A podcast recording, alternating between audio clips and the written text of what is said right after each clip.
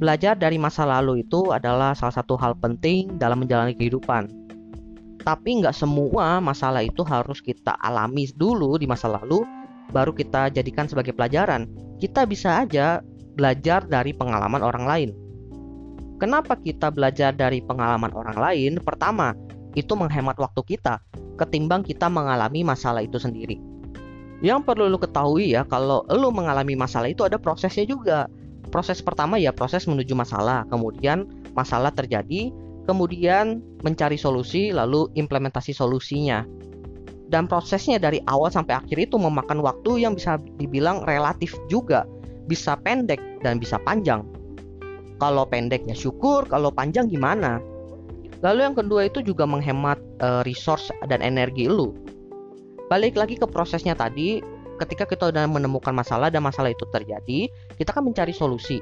Nah, mencari solusi itu membutuhkan waktu dan tenaga juga. Kemudian udah dapat solusinya kita implement. Tapi ingat, hal itu bisa terjadi kegagalan juga. Ketika gagal, kita balik lagi uh, satu langkah ke belakang, di mana kita nyari solusi lain. Kemudian udah dapat lagi, kita implement lagi. Terus menerus sampai solusi yang kita dapatkan itu berhasil diimplement. Dan itu memakan energi yang cukup besar juga bukan cuma makan waktu, makan energi yang juga besar. Lalu yang ketiga itu juga menjadi referensi buat kita. Mungkin masalah yang terjadi di orang lain itu tidak akan terjadi di kehidupan kita seumur hidup nggak bakal. Tapi kan itu kemungkinan. Ada kemungkinan hal itu juga terjadi di kita. Makanya setidaknya kita itu punya referensi kalau seandainya masalah itu terjadi di kita. Ketimbang lu bingung pelengak-pelongok nyari solusi, tapi kalau lu udah punya referensi, oh gue tahu nih kemarin kejadian di dia, coba gue tanya dia.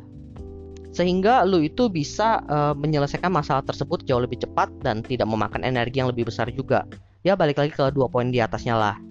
Tapi bukan berarti belajar dari pengalaman orang lain itu kita harus mentah-mentah menelan apa yang dia ceritakan. Gue pakai contoh dari mentor bisnisnya karena memang lebih relate di gue. Gue dulu punya mentor bisnis sebelum gue start bisnis pertama gue butuh waktu dari 3 SMA sampai semester 4 kuliah gue baru start bisnis karena gue banyak belajar dari mentor gue mentor-mentor yang ketemu secara langsung dan gue kenal mentor-mentor yang gue datengin uh, seminarnya dan juga mentor-mentor yang tidak official mentor lah karena kita nontonnya di YouTube gitu. Setelah gue telaah ternyata nggak semua yang mereka ceritakan itu dengan solusinya itu bisa diimplement di kita kenapa karena ada faktor-faktor yang membuat solusi itu berhasil di mereka. Biasanya faktor tersebut itu yang umum itu biasanya dari resource-nya. Mungkin mereka punya uang lebih banyak atau mungkin mereka itu punya kenalan koneksi. Atau enggak dari kemampuan mereka. Mereka punya skill A sedangkan lu itu nggak punya. Makanya kalau gue mendapatkan cerita dari orang lain itu nggak gue telan mentah-mentah. Gue telah dulu, gue analisa dulu kenapa hal itu bisa terjadi. Tapi kalau ceritanya itu ternyata relate di gue, lalu di dalam cerita tersebut resource-nya kemampuannya itu nggak jauh beda sama gua kemungkinan pun gua untuk mengimplementnya itu lumayan tinggi kenapa karena jauh lebih relate gitu tapi kan balik lagi pada akhirnya itu meskipun solusinya udah kita tahu adalah A tapi ketika eksekusi hasilnya itu pasti B karena kan kita nggak pernah melihat langsung eksekusi dari si aktornya ini seperti apa tapi lumayan lah untuk referensi By the way, belajar dari pengalaman orang lain ini nggak harus mentor-mentor bisnis atau mentor-mentor yang punya skill itu ya. Lu bisa belajar juga dari orang-orang yang sudah pernah mengalami hal tersebut juga. Misalnya dari teman lu sendiri atau enggak dari keluarga lu. Makanya kalau temen gue atau orang tua gue nasihatin gue, gue dengerin. Karena apa? Karena di dalam nasihat itu ada masalah, kemudian ada solusi. Tapi kalau cuma ngomelin gue sih ya sama aja sih. Males juga gue dengerinnya.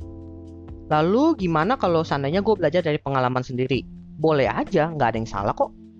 Tapi balik lagi di awal, itu memakan waktu dan resource elu. Elu harus aware atas hal tersebut dan juga siap ketika hal itu terjadi.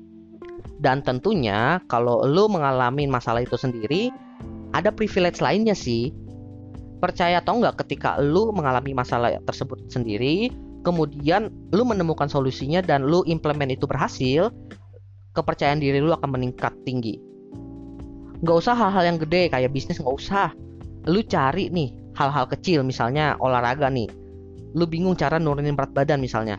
Kemudian lu berhasil nemuin cara lu, lu pasti pede deh. Selain pede pun lu bisa menjadi orang yang menjadi mentor untuk orang lain karena lu udah punya pengalaman tersebut. Ya balik lagi lah belajar dari pengalaman orang lain ataupun diri sendiri punya plus dan minusnya masing-masing. Tapi intinya di sini adalah belajar dari pengalaman masa lalu itu penting. Jadi kalau kalian punya masa lalu jangan dilupakan. Belajarlah dari sana